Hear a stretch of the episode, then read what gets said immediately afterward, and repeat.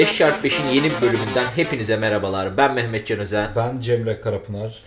Umarım keyifleriniz yerindedir. Abi ne haber sen nasılsın? Gayet iyiyim. Ağırlıklar güzel gidiyor. Halter'e biraz daha alışmaya başladım. Çok iyi. Bahadır'dan biraz daha split jerk'ün inceliklerini öğrendim. Nasıl gidiyor split jerk'ler? Valla güzel gidiyor. Dün işte böyle maksa doğru bir çıkış yaptım. ee, ve yani geçen kullandığım antrenman maksimum üstüne çıktım. Geçen yaptığımda antrenman maksimum kullandığımda 105 kilo kullanıyordum.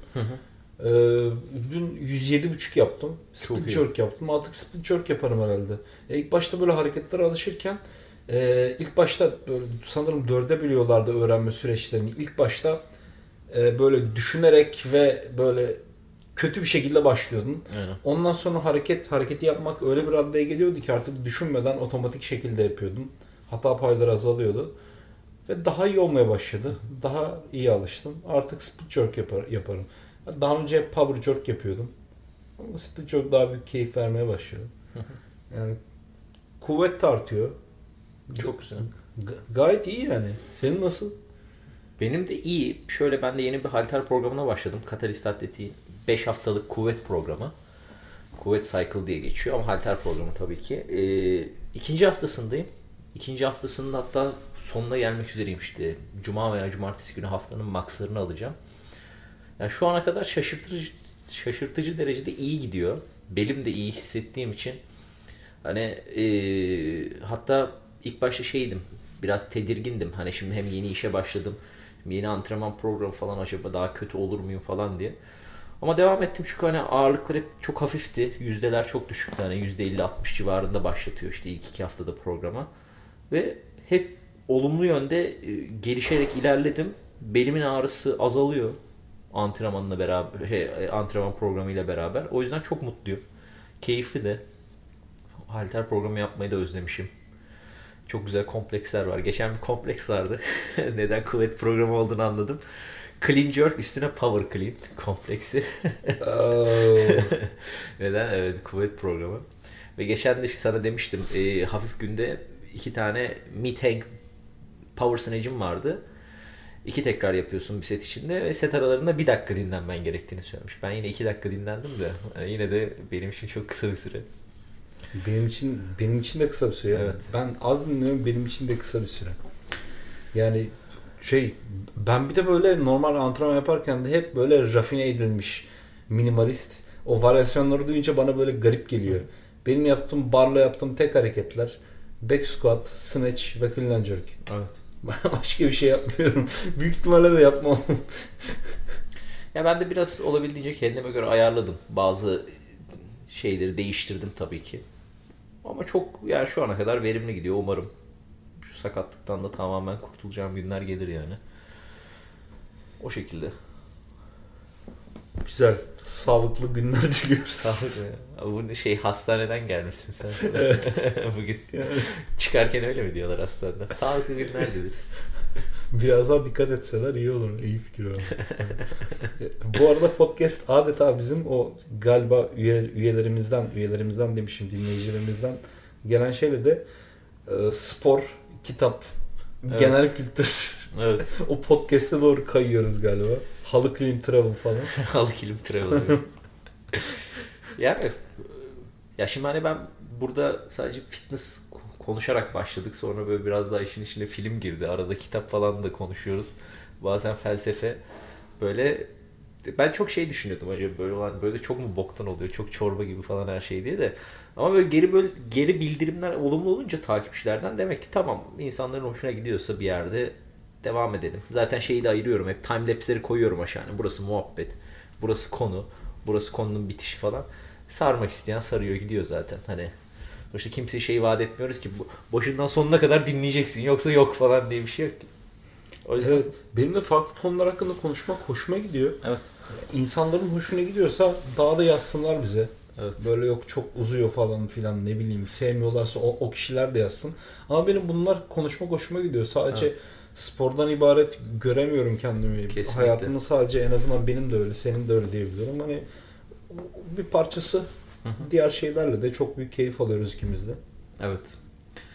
Ya 5x5 belki o yüzden biraz güzel bir isimdir. Hani 5x5'lik her şey var içinde falan. Vay. Oo güzel.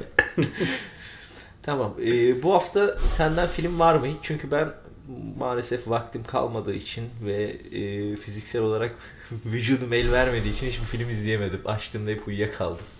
Evet, benden bu hafta film var. Evet. Netflix'te izledim Just Mercy filmi.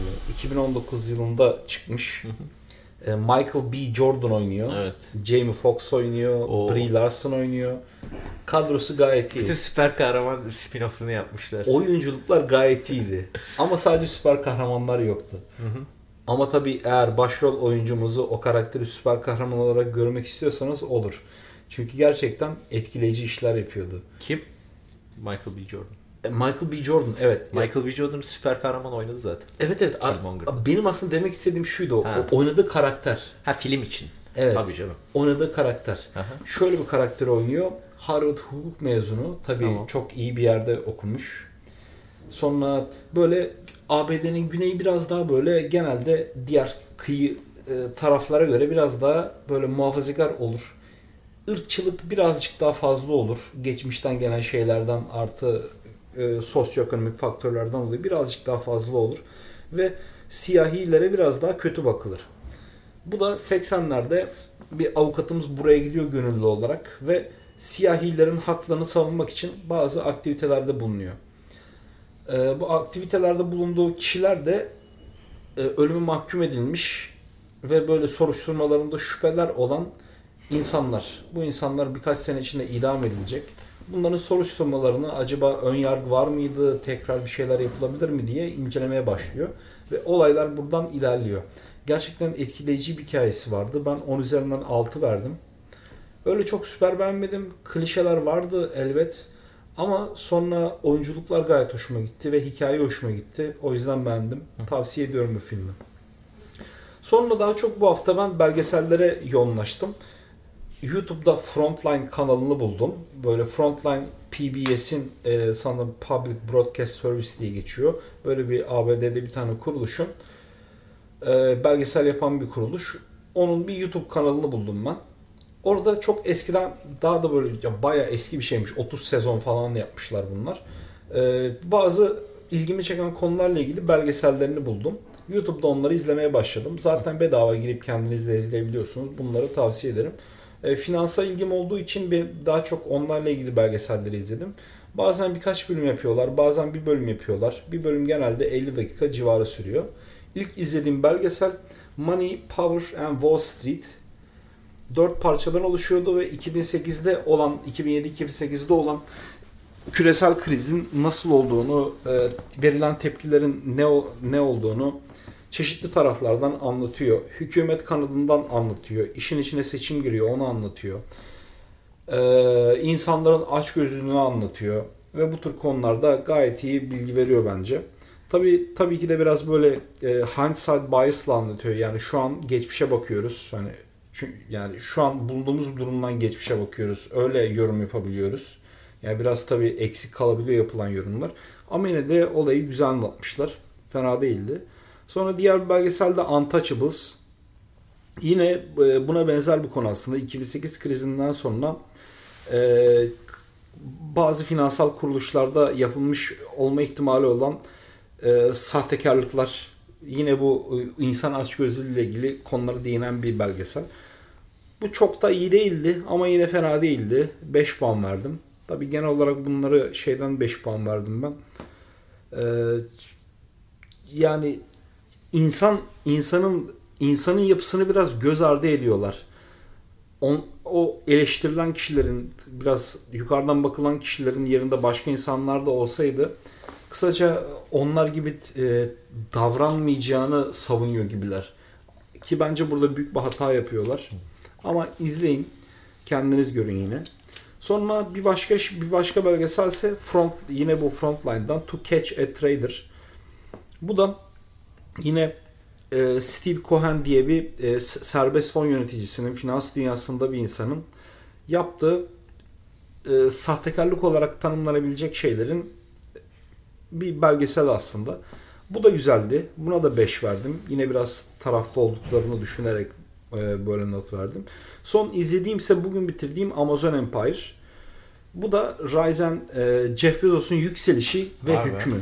Evet. Tabii e, buna da 10 üzerinden 4 verdim. Aa hiç beğenmedim. Evet.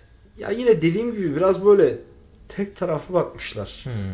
Yani o kişinin yerinde başka insanlar da olsaydı o şekilde olurdu. Yani dünyanın işleyiş şeklini biraz böyle çocukça yaklaştıklarını düşünüyorum. Böyle sürekli yükselen birilerini e, elbet yani onların yerinde başka biri olsaydı sanki böyle çok iyilik meleği olurlarmış da herkes için iyilik yaparlarmış gibi çok farklı yaparlarmış gibi e, onu varsayarak sunuyorlar Biraz aslında. eski Çok kafayla mı tarafsız çekilmiş görmüyorum. belgeseller acaba? O yüzden mi? Biraz öyle. Ya tabii burada o yapan kuruluşların politik gör- görüşlerini de göz, an- göz ardı etmemek lazım. İsteseler de istemeseler de biraz taraflılık olacaktır.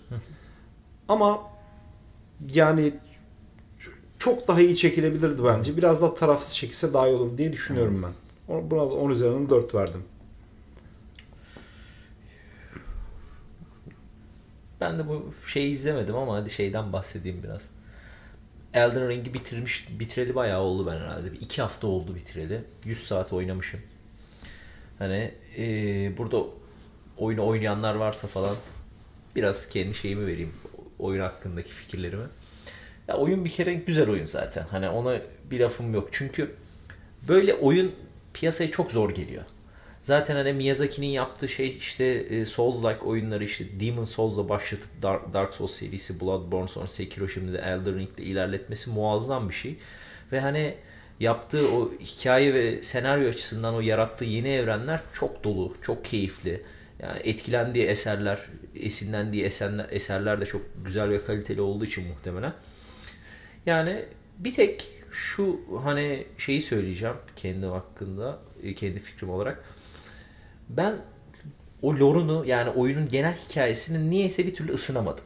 Hatta işte Vatividya diye bir kanal var YouTube'da bu Souls-like oyunlarının lore'larını açıklayan çok güzel bir şekilde hikaye anlatıcılığı, narrator'lık yapan bir kanal. Oradan da izledim. Hem çok içine giremedim hala hem çok yani ısınamadım. Muhtemelen şöyle bir muhafazakarlık oluyor istese de istemese de insanda. Hani daha önceden sevdiği bir şeyin yerine yenisi gelince tamamen o yeniye bir anda ısınamıyorsun. Çünkü mesela Dark Souls'un lore'unu hikayesine bayılırım. Çok muazzam, hoşuma giden bir hikayesi var, yapısı var. Yani Elden Ring'de her şey çok güzel olmasına rağmen işte açık dünya, oyundaki bosslar, oyun sonu bossları, ana bosslar, yan bosslar çok harika tasarımlarla yapılmış olmasına rağmen çok keyifli, çok dolu bir dünya olmasına rağmen o lore'una bir türlü giremedim. Muhtemelen eski alışkanlığım yüzünden. Ama bu şey olduğunda yine Game of the Year'ı alır. Bu sene 2022 senesinde daha güçlü bir rakip gelmeyecek gibi gelse bile sanmıyorum. Yani George R. R. Martin'le beraber çalıştı bu oyunda bu sefer hikaye ve evren yaratımı açısından. Çok da başarılı olmuş. Yani oyunlara biraz merakınız varsa ve hala Elden Ring'i oynamadıysanız oynamanızı tavsiye ederim. Onun haricinde benden de bu kadar. Konuya geçebiliriz. Bugün biraz daha farklı yan başlıklar üzerinden ilerleyeceğiz ama e, ana başlık olarak kuvvetlenme üzerine olması yönünde karar aldık. Son anda. evet abi senin ilk başlığın kuvvet nedir? Buradan topu sana bırakıyorum. Evet. Şimdi burada birkaç tane soruyu cevaplayacağız. İlk soru kuvvet nedir? Burada Türkçe tanımını kullandım. Direkt aldım bir yerden. Durmakta olan cismi hareket ettiren, hareket durumundaki cismi durduran, hızını veya yönünü değiştiren ya da cisimlerin biçimini değiştiren etki. Ama bu böyle tanım bizim burada bahsettiğimiz şey aslında tabii one rep max kuvveti, 3 Aynen. rep max kuvveti, 5 rep max kuvveti. Kasların ne kadar kuvvetlendiği. Yani daha doğrusu şöyle diyeyim vücudunun e, ürettiği kuvvet nasıl artar? Buna bakacağız aslında. Powerlifting'e de bunun e, powerlifting'e de etkisi var tabii kuvvetin. Haltere de etkisi var. Kas gelişimine de büyük etkisi var. Bunlar üzerinde gideceğiz aslında. Ee, şimdi kuvvetin artması için neler olması gerekiyor? Vücudumuzun nasıl adaptasyonlardan geçmesi gerekiyor ki kuvvetimiz artsın? Birinci öncelik kas adaptasyonları. Şimdi genel olarak daha büyük kas daha çok kuvvet üretiyor. Büyük ölçüde. Genellikle bunu söyleyebiliriz baktığımız çalışmalardan. Şimdi e, o yüzden şöyle diyoruz. Bir e, tüm kasın büyüklüğü ya nasıl artıyor? Kas liflerinin çapraz kesit alanlarının büyümesiyle artıyor. Şimdi bu çapraz kesit miyofibrillerin var olan liflere paralel olarak eklenmesiyle büyüyor. Bu miyofibrillerdeki artış çapraz köprüleme yoluyla kuvvet üreten kasılma proteinlerinin artışıyla oluyor. Yani aktin ve miyozinlerin artışıyla oluyor. Bu miyofibriller ve kasların diğer yapısıyla ilgili bir, bizim bir bölümümüz vardı. Evet. Ee, kas kas gelişimi yol, yolları mıydı bölümünün tam hatırlamıyorum. Sanırım evet. Kas gelişimi Ben mekanizma tam hatırlamıyorum. Kas gelişim mekanizmaları oluyor. Evet evet 4-5 bölüm önceydi sanırım. Daha fazla bilgi için onu da iz- onu da dinlemenizi tavsiye ederim ben burada. Sonra ne oluyor? Bu e, kasılma proteinleri artıyor. Aktive edildiklerinde daha fazla çapraz köprüleme, kas kasılması için daha fazla kuvvet üretimi meydana geliyor. Yani bu e, kasılma kasılma proteinleri artınca kaslarımız daha fazla kuvvet üretebiliyor. Daha fazla ağırlık kaldırabiliyoruz kısaca. Sanırım kas büyümesi Reloaded'tı bölümün adı. Öyle miydi? Evet. O 4-5 bölüm önceki. Doğru. Oydu. Tamam. On- onu e, biraz böyle Evet. bunlar karışık geldiyse onu dinleseniz daha iyi olabilir belki. Sonra bununla ilgili çalışmalar var tabi. 2007'de yapılmış Cribb'in bir çalışması var. Hani kas büyü Van Max artışı ne kadar kas büyümesine bağlı ona bakmış aslında kısaca. İleri düzey sporcularda squat Van Max'ındaki artışın %76'sının kas büyümesi kaynaklı olduğunu sonucuna varmış. Yani bu e, yani vastus lateralis çapraz kesit alanını kullanmış ki bu da quadricep içinde bayağı bir e, yer kaplayan squat için çok önemli bir kas. Şu e, dizimizden kasımıza kadar olan kısımda üst bacağımızda dışarıdan uzanan quadricep kası olarak düşünebilirsiniz. Zaten squat'la birlikte bunun büyümesi artıyor. Bunun büyümesi arttıkça daha fazla squat yapabiliyorsun. Ve tabi vastus sadece çalışmıyor. Quad'ın diğer parçaları da çalışıyor. Vastus medialis olsun, vastus intermedius olsun. Bunlar artınca daha fazla squat'ta kaldırabiliyoruz. O, Cribb bu sonuca varmış. Sonra yine e, Greg Knuckles'ın yaptığı bir çalışma var ki Greg Knuckles birazdan göreceğiz. E, Brad Schoenfeld, Eric Helms e, bu kişilerin yaptığı çalışmalar kuvvetin gerçekten nasıl arttığı konusunda ve kas gelişiminin nasıl arttığı konusunda ya ana kaynakları oluşturdu aslında bu yaptığımız bölümde. Greg, Greg da yani o kadar çok bu konuda yazısı var ki bütün çalışmaları toplamış, derlemiş, bir şeyler yapmış. Kendisi zaten hem bir powerlifter, epey kuvvetli bir powerlifter. Aynı zamanda bir bilim adamı. Bunlarla da çok ilgileniyor. Tabii e, bana biraz pahalı geliyor ama her ayda Mas denen bir tane dergi yayınlıyorlar. Şu an fiyatını tam hatırlamıyorum ama o, o parayı verecek kadar değer görmediğimi düşünmüştüm. Ama eğer maddi durumunuz el veriyorsa, e, çok da değer görüyorsanız ona da subscribe, e, ona da üye olabilirsiniz. Ya ki Amerika'da, Güzel. Avrupa'da falan yaşayıp dinleyenler de var. Evet. Böyle onlar için biraz daha rahat olur. Evet. E, Greg Knuckles şunu bulmuş. E, tecrübeli sporcularda kas büyüklüğünün kuvvetteki değişimlerin %65'ini açıkladığı sonucuna varmış. Yani te- tecrübeliysen çok büyük ihtimalle kuvvetindeki artış kas büyümesindeki artışla açıklanıyor. Yani kasların büyüyor, Van Max'ın öyle artıyor. Yani Van Rep Max'ını arttırmak istiyorsan, tecrübeliysen kuvvetlen, kuvvetlenmekten başka yollar var ama yani kasların büyürse çok büyük ihtimalle kuvvetleneceksin. O yüzden kaslarını büyütmeye çalış diyor kısaca. Sonra Bolshov'un bir çalışması var 2019'da. Tecrübesizlere bakmış. Tecrübesizleri almış. 12 hafta tecrübeliler almış ve 4 yıl tecrübeli erkekler almış. Farklı tecrübelerde vücudun nasıl tepki verdiğine bakmak istemiş aslında. Şu sonuca varmış. Büyümenin 12 hafta 4 yıl arasındaki kuvvet artışındaki e, en önemli rolü oynadığı sonucuna varmış. Yani birinci rolü oynuyormuş burada. Yani antrenman yapmaya başladın. 12 haftayla 4 yıl ar- arasındaki periyot yani 0-12 hafta arasındaki periyot değil 12 hafta ile 4 yıl arasındaki kuvvet artışındaki en büyük faktör kas büyümesidir demiş. Peki 0-12 hafta arasındaki gelişimin max artışının faktörü ne? Yani bu buna ne et- etki ediyor? Buna da şöyle demiş. 0-12 hafta arasındaki gelişimlerin ana olarak sinirsel adaptasyonlardan kaynaklı olduğunu sonucuna varmış. Nasıl oluyor bu sinir sistem adaptasyonları? Az sonra geleceğiz. Şimdi kas adaptasyonları böyleydi. Yani kısaca diyebiliriz ki kasların büyürse çok büyük ihtimalle daha fazla kaldırabilirsin. Buradan bağda koadaptasyonlarına geçiyoruz. kuvveti etkileyen çünkü sadece kas büyüklüğü değil. Bu bağ doku da burada kuvvette rol oynuyor. Kuvvet her ne kadar sarkomer seviyesinde yani o mikroskopik seviyelerde sarkomer seviyesinde üretilse de üretilen kuvvetin eklemler üzerinden kemiklerimize iletilmesi gerekiyor ki kemikler hareket etsin. O her ne hareketi yapıyorsak o hareketi yapabilelim. Bu iletim de önce kasın içindeki bağ dokular sonra da kasları kemiklere, kemiklere bağlayan tendonlar vasıtasıyla oluyor.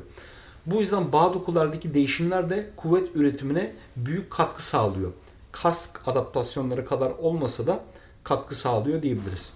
Bu değişimler yatay kuvvet aktarımında ve tendon sıkılığında artışmış bu bağ doku adaptasyonları. Yani yatay kuvvet aktarımında e, kuvvetin transferinde e, kaslar arasında transferinde o üretilen kuvvetin oradan geçmesinde ve tendon sıkılığında oluyor. Tendon sıkılığında da ne oluyor? Tendon ne kadar sıkı olursa üretilen kuvveti o kadar başka bir yere aktarabiliyor.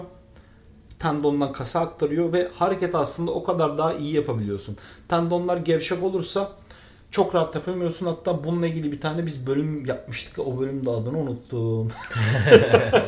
Abi artık 80'den fazla bölüm var ya normal. Bilmiyorum ama bunu daha yakın bir sürede yapmıştık ya. Hatırlamıyorum ama. Ya tendon sıkılığı kısaca kuvvet için iyi bir şey. Öyle tendonlarımı esne, esneteyim daha esnek olsun Stretching ile falan. alakalı bir bölüm Öyle miydi? Stretching ile alakalı bir bölümümüz var. Statik ve dinamik stretching. O Stretching. değildi. O değildi. Ondan daha yakın. Hı. Hatta son, son bir bölümün sonlarına doğru bahsetmiştik. Olabilir. Bölüm bununla alakalı değildi galiba. Hatırlamıyorum. Ee, kısaca arkadaşlar tendonların sık olmasını istiyoruz aslında. Çünkü tendonlar ne kadar sık olursa bir yay gibi düşünün. Yayı, yay çok gergin bir yaysa yayı gerdiğinizde çok hızlı bir şekilde tekrar toplanır. Ama gevşek olursa çok daha yavaş bir şekilde toplanır. Ve tendonlar da bu şekilde işliyor aslında. Sık olmasını istersin daha fazla ağırlık kaldırabilmesi için. Gevşek olmasını değil. Ee, bu artışlar tüm kas seviyesinde yüklemenin artışının bir sonucudur. Yani ki bunu da hani kas büyümesini nasıl arttırıyorsan bunu da büyük ihtimalle böyle yaparsın. Ama kas büyümesine ek olarak burada ağır yükler kullanmak tendon sıkılığını daha çok arttırıyor. O yüzden ağır yükler kullanmak bağ doku adaptasyonlar için daha iyi olabilir. Sonra bir de son adaptasyon sürecine geçiyoruz. Burada da sinir sistemi adaptasyonları var. Şimdi hareket kasların kasıtlı aktivasyonu yani bu voluntary activation diye geçiyor. Kasıtlı ya da e, bilinçli aktivasyon diye çevirdim ben bunu. Yani böyle bisepsini kasıyorsun böyle bilerek düşün. Onun gibi düşünebilirsiniz.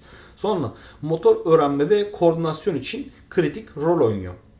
Sinir sistemi harekete ne kadar iyi uyum sağlarsa hareketin verimi de o kadar artıyor. Yani nasıl artıyor bu hareketin verimi? Hareketi yaptığımız hız artıyor. Hareket yaparken de daha az enerji harcıyoruz. Aslında bir harekete alışmak için ve daha iyi yapmak için o hareketi yaparken daha az enerji harcamak aslında olumlu bir şey. Ee, bu şunda da oluyor aslında. Bazen insanlar ben daha çok kalori yakayım gibi şeyler düşünüyorlar. Ama aslında atıyorum böyle koşmaya çıkıyor insan. Koştukça, koşu tekniğine alıştıkça, vücut onu yapmaya alıştıkça vücut aslında bunu yaparken daha az enerji Evet. harcıyor. Bu da aslında güzel bir şey. Bence de güzel bir şey. Yani bazı insanlar evet ona kötü şu an şeyi bakabilir. Aa tüh be kötü oluyorum şöyle falan da. Mesela antrenmana adaptasyon kazanmasan sıçtın yani. Nasıl yapacaksın her antrenmanı? Evet. Bütün hareketleri düşünerek yapmak Aynen. zorunda kalırsın. Düşün. Ve ya bu etki öyle. Çok büyük bir etki değil. Fakat her ne hareketi yapıyorsan e, bu sinir, sistemi adaptasyonu oldukça hareketi yaparken daha az enerji harcıyorsun. Aslında bu bütün hareketlerde bu şekilde işliyormuş. Bir de bu sinir sistemi adaptasyonu daha çok kuvvet gelişiminin erken kısımlarında büyük rol oynuyor. İlerleyen zamanlarda etkisi giderek azalıyormuş. Yani demiştik ki az önceki çalışmada, Balshow'un çalışmasında büyüme 12 hafta ile 4 yıl arasında en büyük rol oynuyor demişti. 0-12 hafta arasında ise sinir sistemi adaptasyonları bu hareketi öğrenmek daha çok rol oynuyor diyebiliriz. Yani bir harekete başlıyorsun. O 0-12 hafta arasındaki böyle kuvvet artışlarını aslında senin sinir sistemi adaptasyonların oluşturuyor. Büyük etki buradan geliyor. Tabi kas büyümesinde etkisi oluyor. Bağ doku adaptasyonlarının da etkisi oluyor.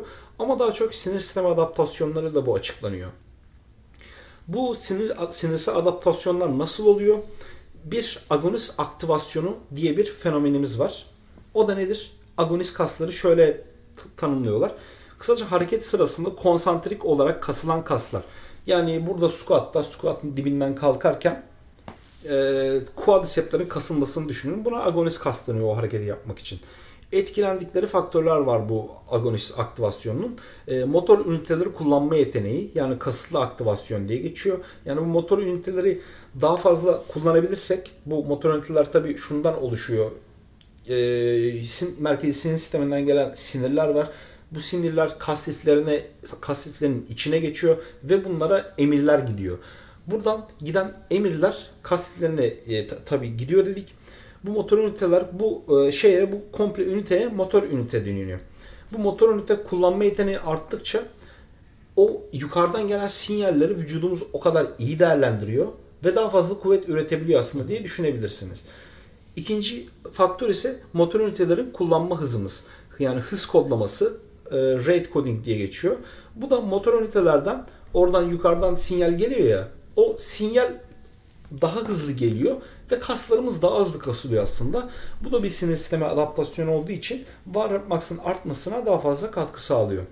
Bir de motor sinir hücrelerimiz var. Ee, burada hani hareket hareket hareketi sağlayan sinir hücreleri olarak düşünebilirsiniz. Aksiyon potansiyelini aldıktan sonra bu aksiyon potansiyeli ne oluyor? Bu da kasılma emri oluyor aslında.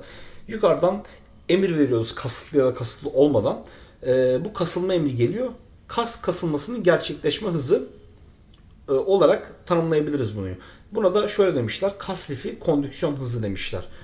Yani bunların şeyleri e, et, etki, etkilendikleri faktörler bunlar oluyor. Yani akt, agonist aktivasyonunun e, etkilendikleri faktörler yani. Sonra ikinci sinir sistemi adaptasyonu ise koordinasyon. Kas grupları ve eklemlerimiz koordine çalışması da hareketin verimli yapılması için çok önemli oluyor. Bu da hareketin pratiğini yaparak oluyor. Hareketi ne kadar pratik edersek kas gruplarının kendi aralarında çalışması, hangi kas ne zaman aktif olacak bunların gelişimi daha iyi oluyor aslında. Bunun için de o hareketi daha, daha fazla yapman gerekiyor ve böylece koordinasyon artıyor ve sinir sistemi adaptasyonları böyle gerçekleşiyor.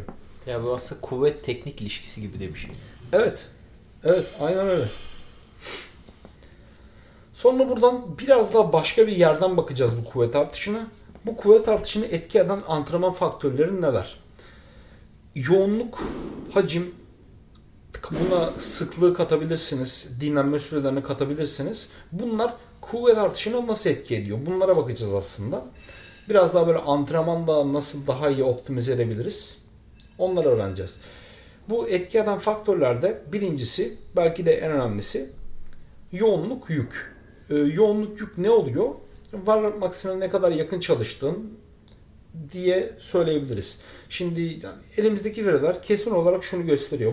Max için daha ağır, genellikle daha iyi sonuç veriyor.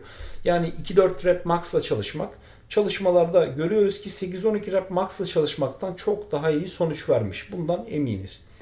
Buradan Schoenfeld'in 2017'deki meta analizine geçiyoruz. Burada tecrübeli sporcularda yüksek yoğunluk yani yüksek yoğunluk da aslında şöyle tanımlamış. %, var maksimum %60'ı ve üstü. Düşük yoğunluğa kıyasla yani var maksimum %60'ı ve altı kıyasla kısa vadede çok daha etkiliymiş. Ama her var maksimum %60'ındaki üzeri bir yüzde her popülasyonda aynı etkiyi yapmıyor. Burada Peterson'ın bir meta analizi var 2005'te yaptığı. Burada farklı popülasyon için optimal yoğunlukları bize vermiş. O yaptığı meta analizde. Diyor ki tecrübesizler Van Max'ların %60 ile çalışsa bu Van Max için yine optimal olabilir. Bir sorun olmaz diyor. Yani biraz daha hafif çalışabilirler. Tükenmeye biraz daha da uzak çalışabilirler. Sorun olmaz diyor. Van Max artar. Hatta belki daha iyi optimal olabilir diyor. Sonra ikinci kategori ise sporcu olmayan, keyif olarak keyif için çalışanlar var ve bunlar tabi biraz daha ileri seviyede oluyor. Bunlar Van Max'ın %80'leriyle çalışsalar Van Max için en optimal olabilir diyor. Yani burada optimallikten kasıt aslında şu oluyor biraz. Daha ne kadar ağır çalışırsan dinlenme süreleri o kadar artıyor. Süre biraz daha uzuyor. Ve bu tartışmalı bir şey ama sakatlık riskleri de o kadar artıyor diye yorumlanabilir. Ama bu biraz tartışmalı bir şeydir. Bunu da söyleyeyim. Sonra bir de sporcular diye bir popülasyon vermiş. Burada da Var Max'ların %85'i civarında çalışsalar Var Max için en optimal yerlere gelebilirler diye söylüyor. Bir de buradan aslında belki de çok daha çok daha değil de böyle yine önemli bir faktör. Tükenmeye yakın çalışmak uzak uzak çalışmaktan daha iyi olabilir. Ama tabii buradan kafamızda soru olacak. Ne kadar yakın çalışmak lazım? Şimdi birazdan ona bakacağız. Burada 2002'de Folland'ın bir çalışması var. 23 erkeğe leg extension yaptırıyor. Bir grup 173 ile 10 tekrar 4 set yapıyor. 30 saniye dinleniyor. Diğer grup ise 173 ile 1 tekrar 40 set yapıyor. 30 saniye dinleniyor. Yani tükenmeden çok daha uzun çalışıyor. Evet. Dinlenme süreleri biraz daha fazla. Ama yani şöyle düşün. Ee, Var Max'ın %73'ünü alıyorsun. Onları bir tane single yapıyorsun. Dinleniyorsun. Bunu 40 set yapıyorsun falan. Tükenmeye çok daha uzak çalışıyorsun aslında. Belki sonlara doğru yoruluyorsundur. Tükenmeye yakın, yakın çalışan grup daha fazla kuvvetlenmiş. Sürpriz yok. E, Lawton'ın 2004'teki bir çalışması var. Sonra 26 tane elit 21 yaş altı basketbolcuya bakmış. 6 hafta boyunca aynı ağırlıkla 4 çarpı 6 ya da 8 çarpı 3 bench- bench press yaptırmış. İki grubunda ağırlıkları aynı. Tahmin edebileceğiniz üzere 8 çarpı 3 grubu yani 8 set 3 tekrar grubu tükenmeden biraz daha uzak çalışıyor. Burada da 4 çarpı 6 grubu yani tükenmeye biraz daha yakın çalışan grup daha fazla kuvvet kazanıyor. Ama güç kazanımları aynıymış. Tabii burada güç kazanımları bu- burada da sürpriz yok aslında. Güç kazanımları için tükenmeden biraz daha uzun çalışmak, e, uzak çalışmak ve biraz daha fazla dinlenmek daha iyi sonuç veriyor. Çünkü e, gücün içinde hız faktörü de var. Evet. Hız da yoruldukça azalan bir şey. O yüzden tükenmeden uzak, uzak çalışınca güç daha fazla artıyor. Ama tükenmeye biraz daha yakın çalışınca kuvvete biraz daha katkısı oluyor. Burada da sürpriz bir şey yok. Sonra Drinkwater'ın 2006'daki çalışması var. Tükenene kadar 6 rep max bench press ve 40 kilo bench throw'un etkilerini inceliyor. Bir grup 4 set 6 tekrar ve 260 saniye dinlenerek diğer grupsa 8, 8 set 3 tekrar 113 saniye dinlenerek yapıyorlar bench press'i. Yine az önceki çalışmaya benzer bir settingde kurulmuş. Tükenme grubu bench press kuvvetini ve e, bench throw gücünde daha iyi gelişim sağlamış. Burada bana bench throw'daki artış biraz e, şaşırtmıştı aslında benim. Çünkü burada bench throw'da e, tabii biraz daha farklı bir şeyde çalışıyorlar ama bench throw'u şey e, da, da, da, yani aynı, aynı sonuç vermiş. Ama tabii bench throw'da daha fazla bir daha farklı bir şema kullanmışlar. Burada onun da etkisi olabilir. Burada o konuyu çok da fazla girmemek için onu geçiyorum. Sonra 2006'da Isquerdo'nun bir çalışması var. 42 tane fiziksel olarak aktif deneye 11 hafta boyunca antrenman yaptırıyor. Tükenmeye çok yakın çalışmamanın tükenmeye yakın çalışmakla benzer sonuç verdiği sonucuna varıyor. Ama tükenme grubunun tekrar kuvveti daha çok artıyor. Yani 8 rep max'ları daha çok artıyor diye düşünün. Ama var max'ları benzer artmış. Burada beni biraz şaşırtmıştı aslında. Ama e, bu sonuçlar bu şekilde. Peki bu yoğunluk yükün bağ adaptasyonlarına etkisi ne oluyor? Burada az önce bahsettiğimiz gibi yatay kuvvet aktarımı ve tendon sıkılığı kuvvet aktarımını daha verimli hale getirdiği için yine belirttiğimiz gibi kuvvet artışında önemli rol oynuyor. Bu adaptasyon da ağır ağırlıklarla daha fazla gerçekleşiyor. Yani bu adaptasyona artık böyle spesifik olarak niye çalışırsın bilmiyorum ama yani sadece buna bakarak ama eğer Bağdoku adaptasyonlarına vücudum adapte olsun diyorsan herhangi bir sebepten ağır çalışsan daha iyi olur. Evet. Bir de sinir sistemi adaptasyonlarına etkisi var burada. Az önce baktığımız faktörlerden. Burada da şu var. e, Agonist, agonist aktivasyonu dediğimiz e, bir faktör. Az önce bahsettiğimiz.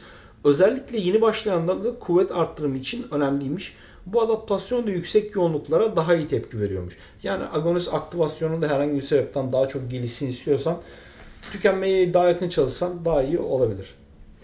Sonra koordinasyon ve motor hareket kabiliyeti var burada.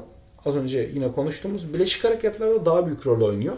Hedeflenen aktivite neyse ve hedeflenen yoğunluk neyse atıyorum bir one rep max bunlara daha yakın çalışmak gerekiyor. Bu adaptasyon böyle çünkü daha iyi gelişiyor. İkinci faktör ise antrenman hacmi. Bu antrenman hacmini de şöyle tanımlayabiliriz. Antrenman etkisinin e, dozunun belirleyicisi aslında. Bu dozu arttırıyoruz. Antrenmandan daha fazla etki görmeyi bekliyoruz. Ama bu hacmi de tanımlarken çok eskiden yaptığımız bölümlerde de vardı. Hesaplanması ile ilgili bazı tartışmalar var. Kimileri tükenmeye yakın yapılan set sayısını alıyor ki bu da biraz tartışma konusu. Hani tükenmeye ne kadar yakın olan setleri e, normal işte çalışma seti saymalısın diye tartışma konuları var. Ama ya benim burada hani literatürden anladım ve böyle kendi görüşlerimle biraz pekiştirdiğim e, şeyleri saymak daha iyi oluyor. İçinde 5 tekrardan daha az kalan setleri esas set olarak saymak daha iyi. Ben o setlerin hepsini tükenmeye yakın set olarak alıyorum ve hacmi böyle hesaplıyorum. Yine hacmin başka bir şekilde hesaplandığı yer de var. O yöntem de hacim yükü. Bu hacim yükünü ben tartışmalı buluyorum. Şu yüzden e, diyelim ki 200 kilo yapıyorsun herhangi bir egzersizde. %50'siyle yapıyorsun. %50'siyle 15 tekrar yapıyorsun ve bununla 2 set falan yapıyorsun diyelim. Bayağı böyle yüksek bir sayı çıkıyor. Ama bir de tükenmeye biraz daha yakın bir e, ağırlıkla yapıyorsun. Ağırlık yüksek oluyor ama yapabildiğin tekrar sayısı az oluyor. Set sayısı da az oluyor. O %50 ile yaptığından daha düşük bir hacim yüküne denk geliyor. Yani bunların hepsini çarptığını düşün. Hani %50 ile yaptığında yani 100 kilo ile yaptığında 100 kilo çarpı 15 tekrar e, burada sana 1500 veriyor. İlk set yaptın diyelim 3000 gibi bir sayı çıkartıyor. Bunu biraz daha ağır bir şeyle yaptığında daha az tekrar yapıyorsun. Çarpan etkisi azaldığı için hacim yükü biraz daha az oluyor. E, ve ben bunun hacimi hesaplamak için etkili bir yöntem olduğunu düşünmüyorum. Bunu daha önceki bölümlerimizde de konuşmuştuk. O yüzden buna ekstra olarak buraya girmeyelim. Ama burada hacim olarak burada benim e, baktığım çalışmalarda daha çok tükenmeye yakın olarak e, çalışılan set, setlerin hacim olarak aldığı çalışmaları aldım ben. Onların daha doğru olduğunu düşündüm. Literatürde çıkan daha sonraki şeyleri de göz önünde bulundurarak. Şimdi Ostrovski'nin bir çalışması var 1997'de. Haftada 12 set yapmak, e, bar yapmaksa 3-6 set yapmaktan daha çok arttırmış sonucuna varmış. Sürpriz yok. Bors'un bir çalışması var. Orta yaşlı bireylere bakıyor. 25 hafta boyunca 3 kez 1 ya da 3 set antrenman yaptırıyor. 3 set daha çok kuvvetlendiriyor. Burada da sürpriz yok. 2005'te Galvao'nun çalışması var. Biraz ileri yaşlı bireylere bakıyor. 65 ila 78 yaş arası bireylerde. 7 egzersizde haftada 2 kez 1 ya da 3 set yaptırıyor. 3 set daha iyi sonuç veriyor. Yine sürpriz yok. Has 2000'de yapılan bir çalışma var. 42 bireye 13 hafta boyunca 1 ya da 3 set 8-12 tekrar tükenmene kadar antrenman yaptırıyor. Ama belirgin bir fark görünmüyor aslında. Bu çalışma beni şaşırtmıştı biraz. Ee, sonra Hamberg'in Humberg'in bir çalışması var 2007'de. 29 antrenmansız bireyi alıyor. Yine 1 ya da 3 set yaptırıyor. 3 set daha iyi sonuç veriyor. McBride'ın 2003'teki çalışması da benzer bir sonuç veriyor. Burada 1 ve 6 set kıyaslıyor. 6 set daha iyi sonuç vermiş. Sonra e, Ostrovski'nin az önce bahsettiğimiz bir çalışmasında e, şöyle bir şey vardı. E, bu çalış, çalışma 10 hafta boyunca yapıyordu. E, alt vücutta yüksek hacim hacim lehine bir trend var. Üst vücutta ise düşük hacim lehine bir trend var. E, yani belki de hani alt vücutta yüksek hacim daha iyi sonuç veriyor. Evet. Üst vücutta belki daha düşük hacim daha iyi sonuç veriyor olarak da e, yorumlanabilir bu. Sonra Marshall'ın 2011 ve Robbins'in 2012'deki çalışmalarında 32 antrenmanlı bireye bakılıyor. 6 haftalık çalışma 1, 4 ya da 8 tekrar tükenene kadar back squat yapıyorlar. Burada 8 set en iyi sonucu veriyor. Buradan tabi biraz daha spesifik olan çalışmalara gideceğiz. Bizim daha konumuza spesifik olan. Ee, Rolston'ın 2017'deki çalışması var. Burada bir meta analiz aslında. Haftalık bazda yapılan set sayısıyla kuvvetin bir noktaya kadar ilişkili olduğu sonucuna varıyor. Ama burada bir noktaya kadar olduğu bu önemli nokta burada aslında hani nereye kadar yüksek hacim daha iyi sonuç hmm. verir? Evet, burada aslında güzel. cevaplamaya çalıştığı soru bu. Hareket başına 5-9 set veya 10 setten daha fazla yapmak kuvveti 5 setten daha az yapmaya kıyasla daha çok arttırıyor. Ee, bunu bize söylüyor ama 5-9 setten 10 setlere geçince o alınan verim biraz azalıyor aslında. Evet. Ee, buna law of diminishing returns diyorlar. Bunu nasıl çeviririz? Azalan kazanımlar e, kanunu. Öyle mi olur bilmiyorum. Ya ama yani bir şey böyle şöyle düşünün. Bir şeyi daha fazla yapıyorsun. O bir şey daha fazla yaptıkça ondan aldığın verim art, evet. artıyor. Ama bir yerden sonra aldığın verim azalmaya başlıyor evet, o hani şeyden. O setlerde de o şey hani. Mesela şimdi şöyle düşününce bir ilk okuduğun araştırmada haftada 12 set yapanlarla işte 3-6 setleri kıyaslamışlardı. Benim zaten hemen orada aklıma takılmıştı. 12 set de acaba bunun bir üst seviyesi neresi? Hani burada 5-9 set de 10, set, 10 setten fazla sanırım değil mi? Evet. Tam 10 sette değil. Ee, yani aslında güzel bir cevap şeklinde oldu. Hani çok fazla abartmamak da lazım. Çünkü her zaman fazla olan daha iyi olacak demek değildir. Hani dediğin gibi antrenmanın kalitesi de düşüyor. Evet. Aynen o şekilde. Hatta burada antrenman sıklığına da birazdan geleceğiz. O Evet, antrenman o kalitesi güzel. o çok önemli bir nokta.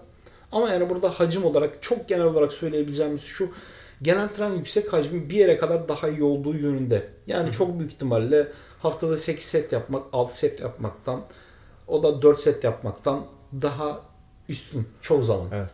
Ya şimdi burada biraz da şeyin spesifikliğini hani antrenman programlamasının kişiye özel olması da önemli bir durum sonuçta. Hani herkes de diyelim ki birinde 8 set daha iyi sonuç verirken birinde 10 set daha iyi sonuç verebilir veya 12 set daha iyi sonuç verebilir ama bunda çok fazla değişken var. İşin içine birey geldi girdiği için. O yüzden de burada şeyi bir sonuçla çıkarmak kolay değil. Hani tamam o zaman hadi 8-10 set yapalım haftalık falan.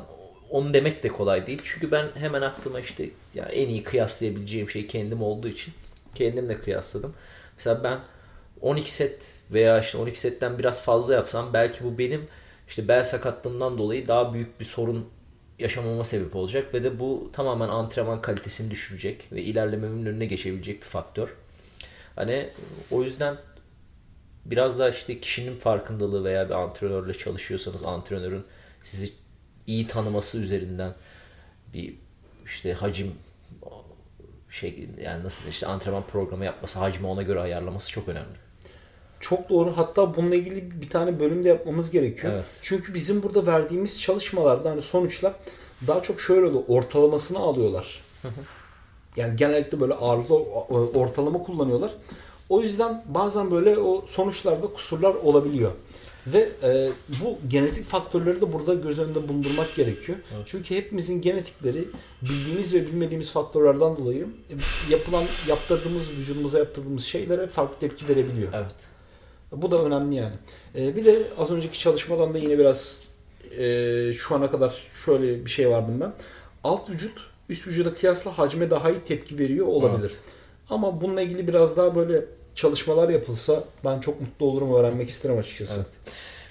Yani şimdi şöyle düşünüyorum da alt vücut üst vücuda tam nasıl ayırmak lazım? Şimdi tamam alt vücuda baktığımızda e, kas grupları daha büyük tabii ki diğer üst vücuttakilerine göre. Ama hani ne bileyim hani itiş olarak baksak üst vücut itiş antrenmanları mesela strongman programlarında programlanmasında itiş hacmi çok yüksek oluyor. Hani genel dikey presler, yatay presler, dumbbell presler çok fazla hacim yüklüyorlar. Ee, şimdi bu açıdan bakarsak demek ki bazı sporcularda işe yarıyor hani üst vücut şeyi de e, hacmin yüksek tutulması da. Ama hani şu açıdan düşünürsek işte izole çalışabileceğin kas grupları işte biceps, triceps işte veya sadece omuz izole falan böyle hani o şekilde çalışacağında tam, tabii ki herhalde fazla hacim yükleyemezsin veya yüklesen iyi bir sonuç alacağın anlamına gelmeyebilir. Aslında benim gözlemim Strongman'de safi üst vücut hareketi çok az hani push press gibi, jerk gibi şeyler yaptıklarını görüyorum. Aha. E bunlar da aslında alt vücut ağırlıklı hareketler. Yok üst şey etkili de. press. Normal hani strict. Aha, evet. Dikey Ama yani o yarışma presler. yarışma ne kadar spesifik o. Yani yarışmada yapıldığını, yarışmada yapıldığını ben görmedim yani. Ya şöyle şimdi yarışmalarda pres hareketlerinde üst düzeyde de yani sporcuya bağlı bir şey. Mesela Eddie Hall'dan örnek verelim. Hall strict press yapmayı tercih ediyor. Herhangi bir şeyde. Ama mesela bazı sporcular push press'te daha iyi olduğu için işte bacaktan kuvvet alarak yapıyor. Yani o biraz sporcunun şeyine bağlı. Yine spesifik bir durum. E, e, evet evet Şey ya spesifik. iki bence benim bu eleştirel bakış açım. Ben olsam vücuda bu kadar odaklanmazdım Strongman'de yani. Bu şekilde programlıyorlar. Ya, ya şey çünkü push press hani yarışmada stick press, bench press yapmıyorsun ki daha böyle alt vücudunu kullanarak hareketler yapıyorsun. O yüzden bence alt vücuda odaklanmak çok daha iyi sonuç verecektir. Ya işte yine o da görüşüm. hani sporcunun spesifik durum işte yani benim takip ettiğim Jonathan Cotton var şu an. İşte e, mesela onun programlarını görünce ben çok şaşırmıştım. İşte böyle antrenman bir session'lı bir antrenman session'ının hepsini atıyor mesela.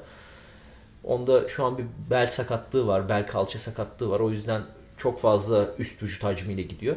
Ve yani o kadar çok hacim yapıyor ki dedim bu adam nasıl sakatlanmıyor ya. ya muazzam adapte olmuş adam. Bir de omuz sakatlığı da vardı sanırım geçtiğimiz senelerde.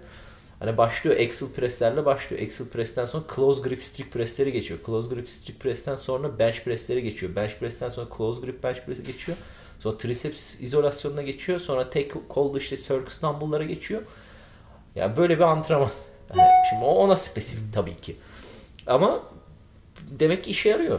Ya işe yaramıyor olsa bu adam niye bu kadar hacim yapsın? E, evet ama burada benim her zaman baktığım şey ne kadar daha daha izle daha az işle daha spesifik işle daha iyi sonuç almak. Yani ben olsam Strongman'a e, çalışsam ya da birine oraya yardım etsem bu kadar üst vücutla uğraşmazdım büyük ihtimalle. Ya üst vücut önemli elbette ama yani push press'te o yap, yarışmada yapılan hareketleri düşünüyorum. Yani ya yarış çok fazla pres quad, var. Quadlarımı quadlarımı daha çok önemserdim. Squat kuvvetimi daha çok önemserdim. Ya yine spesifik bir şey ya. Hani be, be, ben de aynı şekilde düşünüyorum bu arada sen de. Hani yarın bir gün yarışacak olsam push press'ime daha çok önem veririm.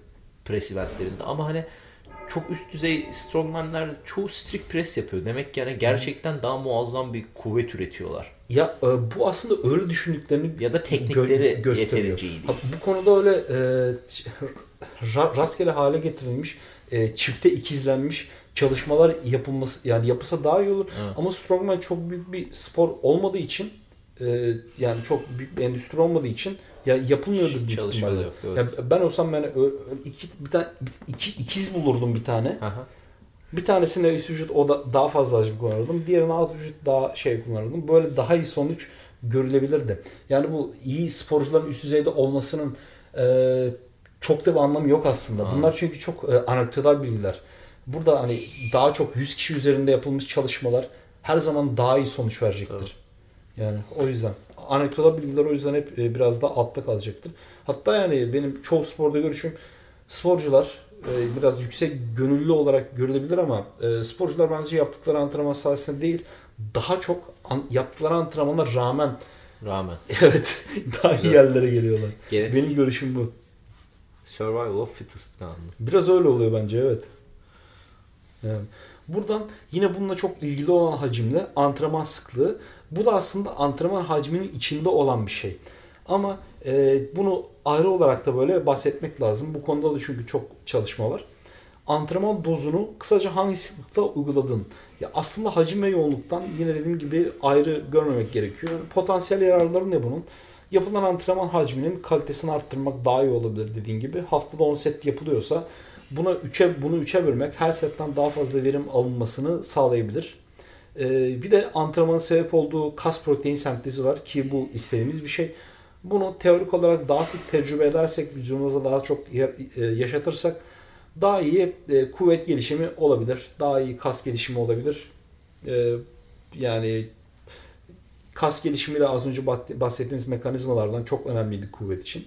Bir de kuvvet konusunda pratik yapmak da hareketi ve motor yetenekleri geliştirmek için daha fazla fırsat sağlıyor bize aslında. Yine daha önce bahsettiğimiz sinir sistemi adaptasyonlarıyla ilgili bu da.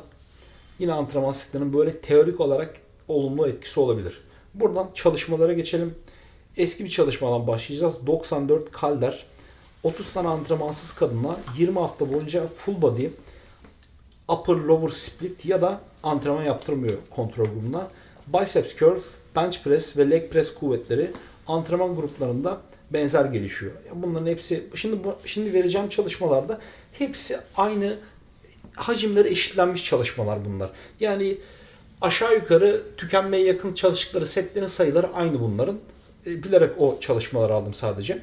Bu yani antrenmanı bu şekilde bölmek antrenmansız kadınlarda pek bir şey fark ettirmemiş. Sonra Benton'un bir çalışması var 2011'de. Orta yaşlı kadınlara yaptırıyor. 8 hafta boyunca haftada 3 ya da 4 kez yaptırıyor. Ama iki grup arasında belirgin bir fark göremiyor. Ama leg press'teki gelişim haftada 4 antrenmanda çok az farkla daha iyi görülüyor burada. Bu istatistik olarak bir fark değil ama çalışmanın içinde leg press'te böyle biraz da o barda biraz daha daha iyi gelişim görülüyor aslında. Ama istatistiksel olarak belirgin değil. Bunu da belirteyim. Sonra Kendall ve Burke'ün 2007'deki çalışması var. 6 hafta boyunca 2 günü 3 güne kıyaslıyor. Back squat ve bench presslerine bakıyor. Kuvvetler benzer artıyor ama bench press'teki gelişim kısmen daha fazla oluyor. Ee, burada az önceki çalışmaya biraz daha ters bir sonuç görülmüş aslında. Ama yine şunu söyleyeyim aradaki fark çok büyük değil. Sonra Arazi ve Asadi 2011'de bir çalışma yapıyor. 39 antrenmansız erkeğe bir full body haftada e, haftada bir full body yaptırıyor ya da haftada iki full body yaptırıyor ya da haftada üç kere upper lower yaptırıyor. Leg press, leg curl, lat pull down, bench press ve benzeri temel hareketler yaptırıyor. E, burada üst vücutlar e, daha sık yapılınca daha iyi, e, şöyle oluyor. %20 gelişiyor. Alt vücut ise %23,5 gelişiyor. Yani haftada ha, ha, e, pardon haftada bir yaptırılanlarda. Haftada iki yaptırılanlarda ise üst vücut %32.4 gelişiyor. Alt vücut ise %37.4 gelişiyor. Yani burada daha sık daha iyi sonuç vermiş antrenmanlı sporculardan. Sonra Hartman'ın 2007'deki bir çalışması var. Biraz daha burada tecrübeli sporculara geçiyoruz onların olduğu çalışmalara. 3 hafta boyunca kısa bir süre ama sıkıntı yok yine fikir verir. 10 ulusal derecede haltercinin antrenmanlarını günde bir, bir kez yaptır, yaptırıyor ya da ikiye böldürerek yaptırıyor. İzometrik leg extension kuvvetine baktırıyor. Yani leg extension'da e, leg extension makinesine oturduğunuzu düşünün. Bacağınızı dümdüz uzatıyorsunuz ve bu şekilde korumaya çalışıyorsunuz. Böyle kuvvetinizi ölçüyor. E, günde iki antrenman daha fazla arttırmış bu kuvveti. Sonra McLester'ın 2000'deki ve e, yine az önceki Kendall'ın 2007'deki çalışmasında tecrübeli sporcularda yani şunları görmüşler ayrıca antrenman sıklığını arttırmanın tecrübesizlerde arttırmaya kıyasla daha fazla yarar sağlayabilir diye söylemişler. Yani tecrübelendikçe belki de daha sık yapsan antrenmanları daha iyi olabilir sonuca varabiliriz burada. Burada ise e, çok esas böyle nakıs çok hepsini güzel derlemiş toparlamış 2018'de ve şöyle olmuş. Hacim koşullarını değiştirmeden antrenman sıklığını arttırmanın kuvvet üzerindeki etkilerine e, bakan çalışmaların böyle meta analiz yapmış aslında. Hem tecrübeli hem te- tecrübesiz sporculara bakmış. Üst vücut itiş hareketlerinin artan sıklıktan daha iyi yarar sağladığını görmüş. Yani üst vücut itiş, itiş bench press diyelim haftada 3 kez yapıyorsan haftada 1 ila 2 kez yapmaktan çok büyük ihtimalle daha iyi sonuç verecek. Alt vücut hareketlerinde ise bu etki daha az demiş. Yani haftada 3 kez yapıyorsan bir antrenman hacmini bunu haftada 1 ila 2 kez yapmayla arasında çok fark yok ama haftada 3 bir tık daha daha iyi olabilir diyor. Bu da antrenman sıklığı da böyle aslında. Yani belki çok bir şey fark etmiyor ama böyle biraz daha fazla yapmak yani haftada 3'e bölmek belki antrenman kalitesi açısından daha iyi olabilir ama öyle süper farklar beklemeyin. Sonra bir de en son bir dinlenme faktörü var. Bu dinlenmede de set arası dinlenmeden bahsediyoruz tabi. Ya büyük ölçüde yani kafamızda da şöyle bir şey var. Ne kadar uzun olursa bir sonraki sete o kadar taze gidiyoruz. Ve o setten de kuvvet kazanımı için o kadar maksimum verim alıyoruz. Ee, buna bakan birkaç tane çalışma var yine. Eskiden yeniye doğru gideceğiz. Robinson'ın 95'teki çalışması. 33 erkeğe 5 hafta yüksek hacimli ağırlık antrenmanı yaptırıyor. Bir grup 3 dakika, diğeri 1,5 dakika, son bir grupsa 30 saniye dinleniyor. Dinlenme süresinin kuvvet artışıyla paralel olduğunu görmüş. Sonra Pinsivero 97'de 15 tane üniversite yaşındaki gence haftada 3 4 hafta boyunca 40 saniye dinlenmeli ve 160 saniye dinlenmeli antrenman yaptırıyor. Quad ve hamstring kuvvetlerinde uzun dinlenmenin daha iyi sonuç verdiğini görüyor. Yine aynı kişi 2004'te yine 15 gence yapıyor bu çalışmayı. Haftada iki kere yapıyor bu kez. Yani aynı çalışmayı yapmış gibi aslında kişi. e, dizaynlar arasında çok bir fark yok. Yani yine aynı sonucu buluyor. evet yine aynı sonucu buluyor. Yani 40 saniye 160 saniyeye göre biraz daha kötü diyor. Sonra Ahtiyan'la 2005'te yapıyor bir çalışma. Leg press'te 2 dakika dinlenme ile 5 dakika dinlenmeyi kıyaslıyor. Kazanımlar benzer. 2008'de ise Willardson back squat'ta 2 dakika ve 4 dakikayı kıyaslıyor. Kazanımlar benzer ama 4 dakika grubu daha fazla antrenman hacmi yapabilmiş. Yani böyle tükenmeye kadar yaptıklarını düşünün. Haliyle biraz daha fazla tekrar yapabiliyorsun daha fazla dinlenince.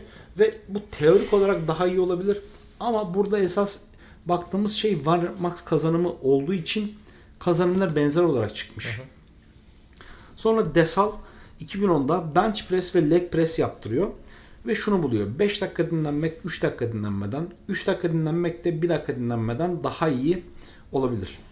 Ve burada sonuç olarak elimizdeki verilerden şuna varabiliriz burada dinlenme konusunda. 3 dakika dinlenmek büyük ihtimalle 3 dakikadan az dinlenmekten daha iyi sonuç veriyor evet. kuvvet için. Evet. Bu sonuca varabiliriz. Yani hani bunlar da bu antrenman verimiyle ilgili aslında yine az önce bahsettiğimiz antrenman sıklığı e, konusunda da gördüğümüz gibi antrenman verimi için belki böyle biraz daha dinlenmek setler arasında daha iyi olabilir. Ya şimdi ben bu anlattıklarından sonra bir tekrar dönüp şeyi düşündüm. Şimdi bu programda dün yer alan işte %60'ı şimdi power snatch yap diyor. İki tekrar 5 set ama aralarda bir, bir dakika dinlen diyor. Ve bu hafif gün. Çok yani ağır bir kilo değil. E, çok yoğun da değil açıkçası. Acaba gerçekten hani mantıklı mı? Şöyle mantıklı o Greg, Ever, Greg Everett'in onunla ilgili konuşması ve savuş şekilde aslında. Hareketi bahsetmiştik ya hareketin böyle öğrenme şeyleri var. İlk başta böyle düşünerek yapıyorsun. Ondan sonra uzmanlaştıkça o düşünme şeyi daha da azalıyor ve otomatik olarak vücudun o hareketi yapıyor. Greg Everett diyor ki Burada o hareketi artık böyle otomatik yapmanı istiyorum. Aynen. Düşünmemek düşünmemeni istiyorum. Evet. Ve bu yüzden bir anekdotal gözlemim var diyor. Sporcularıma böyle on the minute yaptırınca yani dakika başı antrenman yaptırınca düşünmeye daha az vakitleri oluyor. Hmm. Daha az düşünerek e, hareketi böyle daha az düşünerek yapıyorlar ve böyle evet. daha otomatik oluyor. Bu pratik kazandırmak için daha iyi olabilir diyor aslında. Evet. E, ama mesela şeylerde öyle değildir o. Kuvvet hareketlerinde örneğin back squat'ta Tabii. Öyle değildir. Dinlenme Tabii. bir şey dememiştir ya da istediğin ne bileyim daha uzun süre dinlenme vermiştir büyük ihtimalle. Ya back squat'larda şöyle çok fazla dinlen diye bir şey demiyordu ama sanırım bir tane şey vardı ya. E, back squat'lar arasında 2 dakika dinlen diye, diye bir back squat şeyi vardı ama %75'inde çalışıyorsun. Hmm. %75'inde front squat yapıyorsun. Geçen haftaydı. E, 4 tekrar 4 set. Setler arası 2 dakika dinlen demiş. Sadece onda. Onun haricinde hmm. diğer back squat'ta falan bir şey demiyor. O, o da epey hafif bir set oluyor. Evet. Yani ilk yaptığın set büyük ihtimalle tükenmeden 4 tekrar falan uzakta oluyor. Aynen. O tür şeyler için mantıklı. Tükenmeye yaklaştırıyor aslında bir nevi yani değil Hı. mi? O şeyi kısarak, dinlenme süresinde kısarak. Şimdi normal evet. dinlersen 5 dakika dinleneceksin. Daha taze girdiğinde o şeyi mi etkiler acaba? Hani tükenmeden daha mı uzak kalırsın? Nasıl bir mantık var yani? Ya, yani o back squat'ta dinlenme koymuş mu? Ya da ne kadar? Back squat'ta bir şey dememiş. Yani. Hani o kaba kuvvet arttırmak için ki burada onun için konuşuyoruz. Yani bence dinlenme süresi vermemesi daha iyi olacak. Evet. Hatta ben o zaman benim görüşüm yani soğumayana kadar dinlenmek kuvvet gelişimi için evet. daha iyi olabilir. Benim görüşüm bu aslında dinlenme konusunda. Ya ne kadar taze girersen o kadar iyi bence. Evet. Yani dediğin gibi ama çok da soğumayacaksın yoksa o zaman hareket şey oluyor. Ama tabii şimdi hani biz bu bölümde kuvvet kazanım üzerine konuştuk. O yüzden hani halter hareketleri bundan ayrı tutuyoruz işte çünkü güç için içinde hızlı girdiği için. Yok aslında halter hareketleri de büyük ölçüde e, kuvvet kuvvet hareketi ama kuvvet spektrumunun biraz daha şeyinde tabii dışında. E, koşmak, hızlı koşmak ve zıplamak kadar patlayıcı hareketler değil, değil. halter hareketleri ama daha çok kuvvet hareketleri aslında halter evet. hareketleri de. Sonuçta bir squat yaptığınlarla arttıramadan halter max'ını arttırmak imkansız gibi bir şey evet. çok zor. Ya bir de şöyle bir şey var. Ee, şimdi bu haftaki max'larda sanırım işte e, snatch ve clean jerk yaparken setler ısınma setleri arasında maksimum 2 dakika dinlen demiş max'larda. O da herhalde yarışma ile alakalı bir durum. Hani yarışmaya hazırlamak için böyle yapmış. Mantıklı olabilir. Evet. Ha bir de ya senin yaptığın bu şey kuvvet gelişimi odaklı. Kuvvet. Evet. Evet. Onun haricinde sana bir şey daha soracağım merak ettiğim. Şu Strongman muhabbet üzerine. Hı hı. Ee, şimdi push press yapmak daha iyi diyoruz hani dedin hani push press yapmayı tercih ederim dedin. Ya ben de katılıyorum ona. Ama şöyle bir düşününce strongman yarışmasındaki bir atleti hani eğer tamam press ilk eventsi ilk gün ilk eventi ise hepsini push press yapmak daha mantıklı olabilir o taze haldeyken. Peki e, ikinci günün sonundaki eventte ise presler. Orada kuvvete mi daha çok güvenebilirsin, gücüne mi? Hani böyle bir şey böyle bir mantık var mı arkasında? Hani kuvvetten gitsem daha iyi bir sonuç alırım gibisinden. Çünkü hani biliyorsun dayanıklılık da işin içine giriyor. Yorulmuş o atletler biraz daha hani süper heavyweight. Hani bir sürü etken var işin içinde. Sence nasıl bir mantık var? Push press'te overhead press'ten ya stiff press'ten daha çok kaldırabiliyorsun. Evet. Yani. Ama peki yani dediğin gibi orada hani bir şey güç biraz daha işin içinde olduğu için daha böyle artık tükenmiş bir atlet için nasıl yani işler? Pek bir şey değişen Değişmez sanmıyorum. mi? Yani zaten üst vücut kaslarımız biraz daha küçük ve Hı. daha hızlı yoruluyorlar. Tamam. Ee, yani yine push press yapabildiğin sürece push press yapmak Daha lazım iyi. bence. Evet. Ya Tamam. hatta yani şöyle düşün. İlk başta diyelim ki bir 10 tekrar yapacağım diyorsun. Hı. Overhead press'le başlıyorsun. Hı hı. Sonlara doğru bakıyorsun çıkmamaya başlıyor. Hani body English yapmaya başlıyor insanların. Normal bir cimeme de baktığımızda alt vücudunu ku- Biraz şey kullanarak şey yapmaya çalışıyor. Çünkü o şekilde daha çok kaldırabiliyoruz. Anladım. Hem alt vücut kaslarımızda daha çok kuvvet ve hız ve dolayısıyla güç üretiyoruz. Hem de yorulmaları biraz daha yavaş oluyor. Anladım. O yüzden yani özellikle stiff press gibi bir şey yoksa push press her zaman daha Tamam. uygundur bence. Doğru. Yo ben de katılıyorum sana ya. Sadece merak ettim. Ama senin dediğin gibi zaten hani bir de şöyle bir şey de var. Hani bir insan profesyonel bir atletse bu futbolcu da olabilir, tenis sporcusu da olabilir, strongman da olabilir. O yapıyor diye yaptığı şey doğru olmak zorunda değil. Evet. Yani çünkü şu an şey de biliyorsun Mbappe veya Neymar diyelim. Hani adam milyon dolarlık futbolcu artık. Ama hala şey kinesyotape kullanıyor. İşte işte kuru iğne yaptırıyor, hacamat yaptırıyor, bilmem işte giriyor air relax yaptırıyor falan. Yani bunların hiçbir işe yaramadığını biliyoruz yani. Ama o yaptırıyor. Belki hani yüzde birlik bir etki. Belki sadece plazebo bile ona iyi geliyor. İşte onun bilmiyorum fizyoterapist dediği için. Ama yaptırıyor. Ama doğru mu? Değil. Para harcamaya değer mi? Değmez. Bence de öyle. Onları yönlendiren kişiler bunu yaptır diyor. Evet. Ya da ne bileyim o ürünün reklamını yapmak istiyor falan. Bu tür şeyler oluyor. Evet. Bu şekilde yayılıyor. Yanlış yayılıyor. Ee, ben o profesyonel sporcularla çalışan e, birkaç tane e, antrenörle de tanıştım.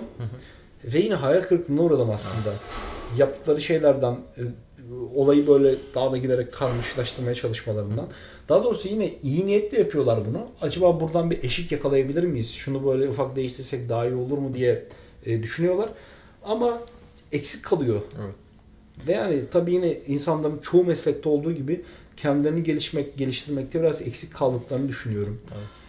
Ne bileyim ben böyle bu konuda mesela spor, kuvvet konusunda her hafta yeni bir şey öğrenmeye çalışıyorum.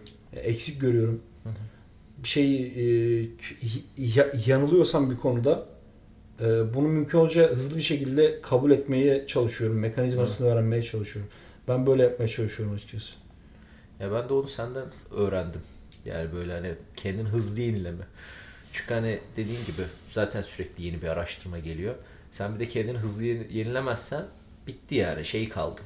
Cahil kalırsın. Yani çünkü hemen eskide kalır fikirlerim ve aslında çoktan üstüne ge- geçen bir sürü araştırma geçmiştir. Ya ilk başta biraz zor oluyor tabii ki yani öyle bir şey o hıza alışmak falan ama sonra alıştıktan sonra daha iyi. Ve insan hani daha çok düşünmeye, sorgulamaya iten bir eylem. Hani ben açıkçası bu fitness konusunda seninle tanıştıktan sonra daha çok sorgulamaya başladım. Hani Sevindim. evet. Ya ben hatta olursa böyle yanıldığım konular diye bir bölüm de yapalım. Sen de düşün Tamam. yanıldığın konuları. Tamam. Neler değişti onlara bir bakmak gerekiyor. Ha değişenler. Evet evet yani fikirlerim nasıl değişti. Tamam. Güzel olur bence. Benim, benim kafamda epey bir şey tamam. ya var çünkü. Hani o da şundan oluyor. Eskiden böyle bir e, ön yargımız oluyor diyelim. Ondan sonra böyle sanırım psikolojimizden kaynaklanan bir şey. Başka bir şey duyunca onu bazen kabullenmekte Aynen. zorluk çekebiliyoruz. Bu da bir hayatta kalma mekanizması aslında. Ondan Muhafaza kendimizi koruyoruz. Daha şey. Evet. Önemli çünkü. İnsanoğlu aslında yanılmaktan hoşlanmıyor. Bunu bir yaşamına, hayatına tehdit olarak görüyor. Ya değişlerimiz var bizim kültürde bile hani eski köy yeni adet getirme diye, yeni icat Evet. çıkarma diye. Bize yeni icat var. evet yani hani aslında tabii bu şimdi hayatta kalmak için önemli bir şey de artık modern dünyada şehirde yaşıyoruz birçoğumuz ve hani burada bizi öldürecek şeyler çok nadir hani böyle trafik kazası ani falan böyle hani. Doğada ölebileceği yani gelip kaplan avlamıyor ki abi seni artık. Ya böyle olmak bu taraflılıklar aslında bizi çok zihinsel anlamda da ve artık aklına ne geliyorsa her anlamda geri tutan şeyler. Evet. Bunlardan ne kadar uzaklaşırsak, Evet. ne kadar kendimizi de sorgularsak insan olarak da daha çok gelişebileceğimizi, yaptığımız işler konusunda da daha iyi işler yapabileceğimizi düşünüyorum ben. Biraz işte ego ile alakalı da bir şey işte. Hani insanın Evet. kendi egosu ve işte kendini gördüğü ve dışarıya işte kendinin ne kadar kusursuz olduğunu yansıtma çabası falan. Tamam bu bir sonraki Aynen bölüm öyle. bunun üstüne yapalım. Yapalım. Güzel olur. Güzel. Değişiklik olur. O zaman kaydı da burada bitirelim. Ee, Güzel bir bölüm oldu. Kuvvet kazanımı e, hakkında mi? Başlamadı. Şu an. Evet. E, bizi dinlediğiniz için çok teşekkür ederiz. Bir sonraki bölüme kadar kendinize çok iyi bakın. Görüşmek üzere efendim. Görüşmek üzere.